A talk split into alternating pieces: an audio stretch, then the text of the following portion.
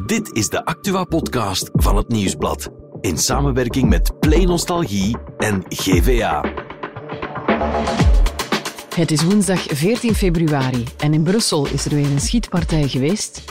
Er zijn heel wat vragen na de veroordeling van influencer Nicolas Kayers. En in Contig hebben ze een liefdevol verzoek.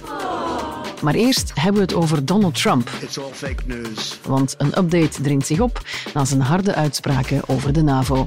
Mijn naam is Nathalie Delporte en dit is The Insider.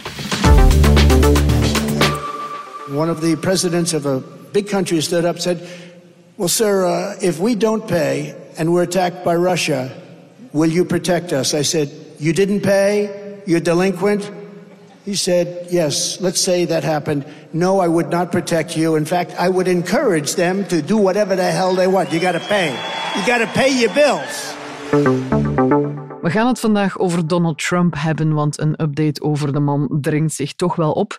En er is een insider hier bij ons die hem van eh, ja, eigenlijk dag tot dag bijna volgt. Dag, eh, chef van Hoofdstad. Dag Nathalie, te dicht. We zijn er hier daarnet meteen ingevlogen met een gezellige quote over dat Trump de NAVO-landen met achterstallige rekeningen niet zou helpen bij een Russische aanval. Uh, probeer dat eens allemaal in drie zinnen uit te leggen, chef. Dat is een, een zware opgave, maar Ja, ik zal proberen. Eh, NAVO-lidstaten hebben een aantal jaar geleden afgesproken om elk 2% van hun bruto nationaal product te besteden aan defensie. Mhm. En twee derde van de NAVO-lidstaten doen dat niet, vooral de Europe- Europese NAVO-lidstaten. België is daar één van. België is een, een, eh, ja, loopt achteraan het peloton. Mhm. En de Verenigde Staten betalen dus de facto voor onze veiligheid, of toch die, die perceptie leeft toch zeker in de VS. Ja. Eh, er zijn momenteel 100.000 Amerikaanse eh, soldaten gestationeerd in Europa. Ja, die geven jaarlijks zo'n 814 miljard euro uit, uit aan defensie.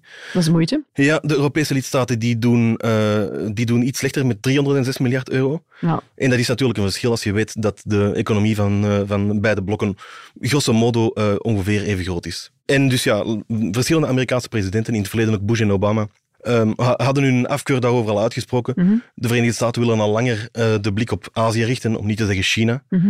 Wat Trump zegt is, ligt eigenlijk in die lijn. Hij probeert de Europese lidstaten te dwingen om, om op hun eigen boontjes te doppen. Ja, en hij wil dat hard maken. Nu, het duurt nog tot november voor we weten of Trump terug president wordt. Eh, los daarvan kan een Amerikaans president überhaupt in zijn eentje dat soort zware beslissingen nemen. Wel, het NAVO-handvest bevat dat beruchte artikel 5. Dat zegt dat alle eh, lidstaten een aanval op één van de lidstaten moeten beschouwen als een aanval op, eh, op eh, alle lidstaten. Mhm. Maar er zijn een aantal bedenkingen bij te maken. Ten eerste is er de formulering van dat, van dat artikel 5. Dat zegt dat een land taking such action, action as it deems necessary, zoals het noodzakelijk geacht wordt. Ja. Lange tijd, veel experts beschouwden dat als militair ingrijpen. Maar dat staat er niet letterlijk. Eh, er zijn nu plots een aantal experts die beweren dat als Trump niet op Twitter, want hij zit niet meer op Twitter, maar op zijn eigen Truth Social. Als hij daar zegt, truth. Ja, Social, het bijna. Mhm. als hij daar zegt, ehm, I'm with you, eh, of hij geeft een hartje aan Estland dat zegt dat, ze, dat het aangevallen wordt, dan zou volgens sommige experts dat geïnterpreteerd kunnen worden als voldaan aan zijn plichten. Ja, ja, ja. Ja, dat is natuurlijk niet waar men in, dat men, wat men in Oost-Europa of in de rest van Europa graag hoort. Bovendien is er een, een wet die vorig jaar door het Amerikaanse congres is goedgekeurd. Die zegt dat een president niet op eigen houtje de Verenigde Staten kan terugtrekken uit de, uit de NAVO. Dat is een vrij recente wet. Dat is een vrij recente wet die speciaal is goedgekeurd uit vrees dat Trump zoiets zou doen bij een eventuele herverkiezing. Dat is echt speciaal voor hem in het leven geroepen. Het staat er niet zo ingeschreven, maar eigenlijk de facto wel. Aha. Maar natuurlijk, wetten zijn er om eh, eventueel herroepen te worden. Ja. Dus ja, dat is een obstakel. Ja, dat is een obstakel, maar een obstakel kan door een nieuwe president, zeker als die het niet al te nauw neemt met wetten en tradities, die kunnen herroepen worden. En dat is nog niet alles. Nee, het allerbelangrijkste is de geloofwaardigheid van de NAVO. Die staat of valt met het geloof dat de vijanden van de NAVO vrezen dat de Verenigde Staten zich zouden mengen als ze een van de NAVO-lidstaten aanvallen. Mhm. En door die uitspraken van Trump heeft hij die geloofwaardigheid al ondergraven. Dus als je het zo bekijkt, is de, de, de schade eigenlijk al gedaan. Eh, dus Poetin zal nu misschien sneller geneigd zijn om een NAVO-lidstaat aan te vallen dan, eh, dan drie dagen geleden. We zijn nog niet aan de nieuwe patatjes. Nee. Hoe gaat het eigenlijk ondertussen met zijn race richting nieuw presidentschap? Eh, beter dan gedacht, eh, ja. Hij heeft de afgelopen dagen goed nieuws gekregen eh, als het gaat over rechtszaken, de rechtszaken die tegen Ja. hem aangespannen Ja. zijn. Met name de rechtszaak over zijn mogelijkheid om op de stembrief te verschijnen in Colorado en dus mogelijk ook in andere staten. Het Hoge Rechtshof lijkt, maar goed, die uitspraak moet nog volgen voor alle duidelijkheid, het lijkt erop dat de rechters daar Colorado niet zullen volgen en dus wel zullen toestaan dat Trump op het, de, de kiesbrief verschijnt. Dat was zeer goed nieuws voor hem. Voor hem. Ondertussen wint hij met sprekend gemak alle voorverkiezingen die gehouden worden. Ja. Dus wat, dat was ook al verwacht. Joe Biden wordt dag na dag een, een groter probleem. Zijn leeftijd was al langer een, Ja. heet hangijzer. Ja. Maar goed, hij heeft op een persconferentie die net daarover ging, eh, zichzelf vurig verdedigd en vervolgens zichzelf grandioos in de voet geschoten door de presidenten van Mexico en Egypte met elkaar te, ver- te verwisselen. En dat was qua perceptie ehm, zo dodelijk als maar kan zijn. Ja, dat is geen goede zaak natuurlijk. Stel dat hij terug president wordt, wat voor soort president Trump krijgen we dan? Een andere dan de eerste keer?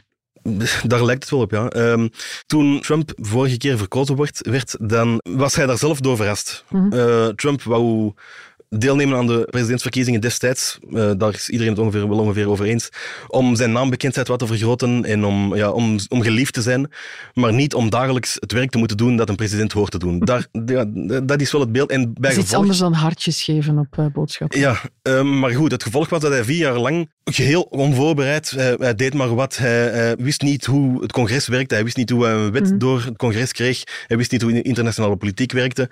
Dus de vier jaar van Trump, als we die al, al schadelijk vonden, ja, dat, was al bij al nog, dat viel al bij al nog wel mee, omdat hij, een expert noemt het malevolence tempered by um, incompetence. Dus eh, dat betekent zoveel als kwaad getemperd door incompetentie. Dus men ging ervan uit dat hij in die vier jaar een aantal dingen wilde doen die door veel eh, mensen als, als kwalijk beschouwd werden, maar die, waar hij niet in geslaagd is.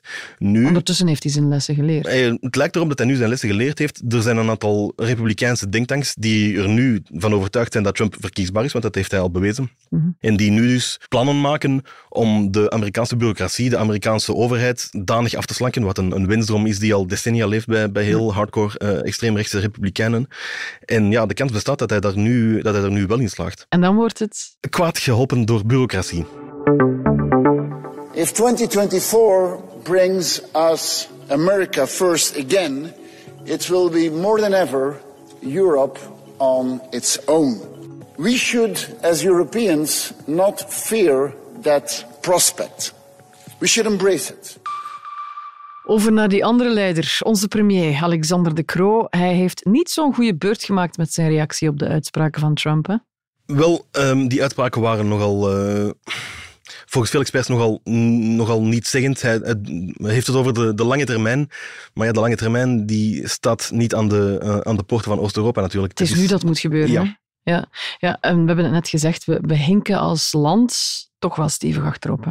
Ja, ik denk dat België momenteel 1,1% van zijn bruto nationaal product betaalt aan, aan defensie. Ehm, van alle Europese NAVO-lidstaten doet enkel Luxemburg eh, slechter. Ja, oké.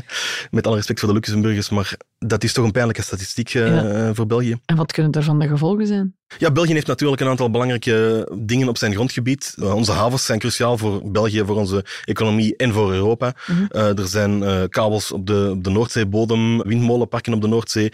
De NAVO zit in Bergen en in Everen. Uh, de Europese Unie zit grotendeels in Brussel. Ja. Dat zijn allemaal belangrijke beslissingscentra. En onze defensie is niet op dat vlak om, om, om hen uh, afdoende te beschermen. Dus we zijn eigenlijk bijzonder kwetsbaar. We zijn bijzonder kwetsbaar. Ja, en we halen die 2% niet. Als we dat wel willen halen, moeten we dan nog meer belastingen betalen, Jeff? Um, dat zijn keuzes natuurlijk die ik niet moet maken, gelukkig, maar voor mezelf en voor België. De Europese Unie heeft vorige week nieuwe um, regels afges afgesloten op het vlak van begrotingen, uh, de uh, begrotingen van de lidstaten. Dat was een tegenvaller, want dat betekent dat we nog meer zouden moeten besparen dan eigenlijk al het plan was. Um, en dat is nog geen rekening gehouden met de uh, budgetten voor defensie die we dan zouden willen optrekken. Momenteel zijn de plannen om die uh, op te trekken tegen 2027 naar 1,4% van het BNP uh, voor defensie. En tegen 2035, geloof ik, zouden we dan die 2% norm halen. En ja, dat is natuurlijk de bijzonder lange termijn, maar Vladimir Poetin heeft zijn plannen, ja, die wachten niet tot 2035. Nee. Vladimir Poetin is nu bezig met een, een oorlog in Oekraïne. Uh, die gaat niet wachten op de Belgisches. Die gaat niet wachten op uh, wat er beslist wordt in, in de wedstrijd 16. Ja, maar Rusland heeft misschien meer mankracht, meer mensen die graag de strijd willen aangaan. Ik zie het hier niet snel gebeuren. Uh, nee, dat klopt. Dus dan is het de vraag, en een aantal uh, experts, Jonathan Holslag bijvoorbeeld, is daar al veel langer voorstander van, uh, om de dienstplicht terug, terug in te voeren. Ik voel mij niet geroepen om in de modder te gaan liggen, voor alle duidelijkheid. Maar ja, dat is natuurlijk het grote probleem. Wij leven in relatieve luxe en een, een Rus voelt zich misschien uh, sneller geneigd om, uit patriotische gevoelens zijn uh, vaderland te gaan, uh, te gaan verdedigen. Terwijl wij zoiets als, als, westerse, als westerse mensen heel snel het gevoel hebben van ach, het zal wel en ik doe het mijne. En nu nog eens terug naar um, Donald Mhm. Trump. Um, waarom doet hij eigenlijk dat soort uitspraken? Dat, dat levert toch alleen maar nog een grotere angstcultuur op? Ja, ten eerste, hij is natuurlijk niet alleen. Bush en Obama hebben in het verleden al soortgelijke uitspraken gedaan over de NAVO-lidstaten. Maar natuurlijk, Trump is par excellence de man van MAGA, uh, Make America Great Again. Mhm. Wat ik in, naar het Nederlands zou vertalen als eigen volk eerst. Ja. Er is in de Verenigde Staten al veel langer een trend richting isolationisme. Dus op dat vlak past dat perfect in zijn, in zijn, ehm, Kraam. in zijn kraam. Hij wil de Verenigde Staten niet langer leiden als de politieagent van de wereld. Zoals bijvoorbeeld Barack Obama dat deed, ehm, eh, waarbij de Verenigde Staten uit een soort verheven morele superioriteit ehm, alle stoute kindjes op de speelplaats uit elkaar hield. In het geval van Donald Trump is het eerder Donald Trump die zelf de grootste pestkop is op de speelplaats en hij wil zelf à la minuut kunnen beslissen wie hij steunt en wie hij niet steunt. Ja, en angst blijft een slechte raadgever, maar ik moet het toch vragen, hoe realistisch is zo'n Russische dreiging richting NAVO? Wel, op zich geven we al veel meer uit aan, aan defensie dan Rusland, zoals ik dan net zei. Ja. Dus op dat vlak is dat niet voor morgen. Maar we moeten dat natuurlijk zo houden. Mhm. Uh, en de doctrine zegt dat je drie dingen nodig hebt om een, een realistische afschrikking uh, te hebben. Mhm. Een eigen defensieindustrie, de fabrieken om de munitie te bouwen, met andere woorden. Ja. Kernwapens en een uh, versterkte oostflank. Nu, die versterkte oostflank die hebben we al voor alle duidelijkheid. Ja. Daar zitten momenteel de meeste uh, NAVO-soldaten. Die is sinds de inval in Oekraïne al versterkt. Ja.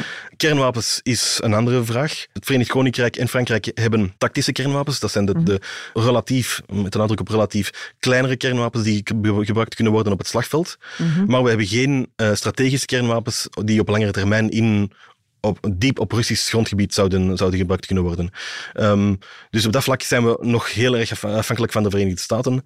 Die defensieindustrie die, die hebben we al, uh, maar we moeten daarin blijven investeren. Er zijn momenteel um, in Frankrijk, Frankrijk is momenteel goed voor 11% van de wereldmarkt en Europa in zijn totaal zelfs 27%, terwijl Rusland slechts 16% van de uh, globale uh, defensieindustrie produceert. Dat zijn voor Europa relatief hoge cijfers, Mhm. maar natuurlijk, ja, we moeten daarin blijven investeren om, dat, om, die, om die afschrikking overeind te houden. Ja, afschrikking, kernwapens. Um, ja, ik word er toch een beetje stilletjes van. Wat kunnen we daar als kleine mens tegen beginnen? Chef, moeten we hamsteren? Daar kunnen we weinig tegen beginnen. Ik stel voor een goede fles wijn en een goede playlist. Voor de dag des oordeels. Zoiets. Dank u wel, chef van Hoofdstad. Graag gedaan. En voor het andere nieuws is Laurence erbij komen zitten. Dag Laurence. Hey, dag Nathalie. Ja, Happy Valentine. dank u. Ik ging met het nieuws beginnen, maar misschien het belangrijkste nieuws het is Valentijn, inderdaad. Ja, okay. Maar je hebt serieuzeere zaken Ik meegebracht. heb serieus uh, nieuws mee, want we moeten eventjes naar uh, Brussel, want daar heeft vanochtend een schietpartij plaatsgevonden waarbij iemand om het leven is gekomen. En er was onlangs ook al een schietpartij in Brussel? Ja, inderdaad. Het is iets dat we precies elke dag uh, schrijven of horen. Dinsdagnamiddag vond er op dezelfde plaats in Sint-Gillis uh, bij de Zuidlaan ook een schietpartij plaats. Mm. Toen werd met een oorlogswapen in de lucht geschoten. Nu, niemand raakte gewond, maar bij een vlucht reden de daders een 71-jarige vrouw aan. Um, die is gelukkig wel uit het ziekenhuis. Maar zondag was er ook een schietpartij. Dat was toen in de Marollen. Ja, en nu dus helaas met een dodelijk slachtoffer. Ja. Maar, maar is er dan een verband tussen al die gevallen? Ja, eigenlijk weten we dat nog niet. Er is uh, een onderzoek gaande, maar er wordt wel gesproken van drugscriminaliteit. Mhm. Mm -hmm. um, en dus ja, het kan wel natuurlijk een verband houden. Nou, hopelijk blijft het hierbij en volgen geen nieuwe slachtoffers. Nee, inderdaad. Laten we het hopen. Nu, ik heb ook nog ander nieuws. Uh, weer crimi-nieuws eigenlijk. Dat gaat over influencer en acteur Nicolas Kayers. Mhm. Mm -hmm. Want die kreeg gisteren te horen dat hij één jaar cel krijgt voor de verkrachting van twee minderjarige jongens en de aanranding van drie slachtoffers. Maar daar is nu toch wel wat rond te doen, hè? Ja, inderdaad. Kayers kreeg een jaar met uitstel. Dus dat, dat, dat wil eigenlijk zeggen dat hij niet naar de gevangenis moet. En dat vinden de slachtoffers moeilijk, maar natuurlijk ook wel ja, de publieke opinie is daar niet helemaal uh, akkoord mee. Ja, waarom is die straf eigenlijk zo laag? Want het is toch opvallend. Het is opvallend en dat ze eigenlijk te maken hebben met uh, ja, elementen die eigenlijk in zijn voordeel spreken. Hij heeft bijvoorbeeld een gunstig strafregister. Hij kwam goed ook uit het psychologisch onderzoek, want uh, zijn risico op herval zou zeer laag zijn. En hij zocht ook op eigen initiatief psychiatrische begeleiding. Dat was in 2018. Mm -hmm. En ook het feit dat de uh, feiten eigenlijk al tien jaar oud zijn. Ja, en dus hij zijn nu volledig vrij? Oh, helemaal vrij is hij niet, maar hij moet dus inderdaad niet de gevangenis in, maar hij moet zich wel laten begeleiden. Hij mag ook geen beroep uitoefenen met minderjarigen. Ja. Hij moet ook zijn apparaten, dus zijn gsm, pc, eh, afstaan als de rechter daarachter vraagt. En er is ook een totaal contactverbod met twee van de slachtoffers. Oké, Laurence, heb je vandaag ook goed nieuws meegebracht? Ja, ik heb goed nieuws bij, um, of toch liefdevol nieuws, zoals je hier net al zei. Want er is een verzoek vanuit Comtig. Daar roept de gemeente inwoners op om liefdesgedichten te schrijven. Oké, voor Valentijn neem ik aan. Ja, de timing is wel ideaal natuurlijk, liefde Valentijn, maar eigenlijk heeft het te maken met het feit dat de gemeente meer gedichten wil um, die voorgelezen kunnen worden tijdens de huwelijksplechtigheden in het gemeentehuis. Ja, want dus eigenlijk wordt er al jaren hetzelfde gedicht voorgelezen van Toon Hermans en dat zijn ze gewoon beu. Ja, niets tegen Toon Hermans, maar een beetje variatie Ja. kan nooit kwaad natuurlijk. En zijn er dan bepaalde dingen waar ze rekening mee moeten houden? Ja, ze moeten niet te lang zijn, want als het te lang duurt, dan eh, vallen mensen misschien in slaap. Ehm, maar het mag wel een liefdevolle boodschap zijn of wijze raad. Dat is ook altijd handig. Het moet ook universeel zijn, dus niet enkel voor hetero-huwelijken. Aha. Ja. En eh, ze kunnen ook eh, doorgestuurd worden tot en met 15 maart. Dat is misschien belangrijk dat de mensen weten. Jullie hebben tot dan om ze in te sturen. Maar niet iedereen mag insturen. Nee, het zijn ja, de inwoners van Contig. Ah, Ja. oké. Dus inwoners van Contig, kruip in uw pen. Inderdaad.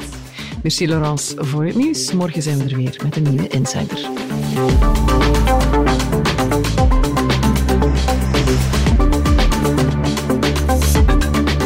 Was The Insider, een podcast van het Nieuwsblad in samenwerking met Play Nostalgie en GVA. De muziek is van Pieter Santens. De montage gebeurde door House of Media. Wil je reageren? Mail naar podcast.nieuwsblad.be.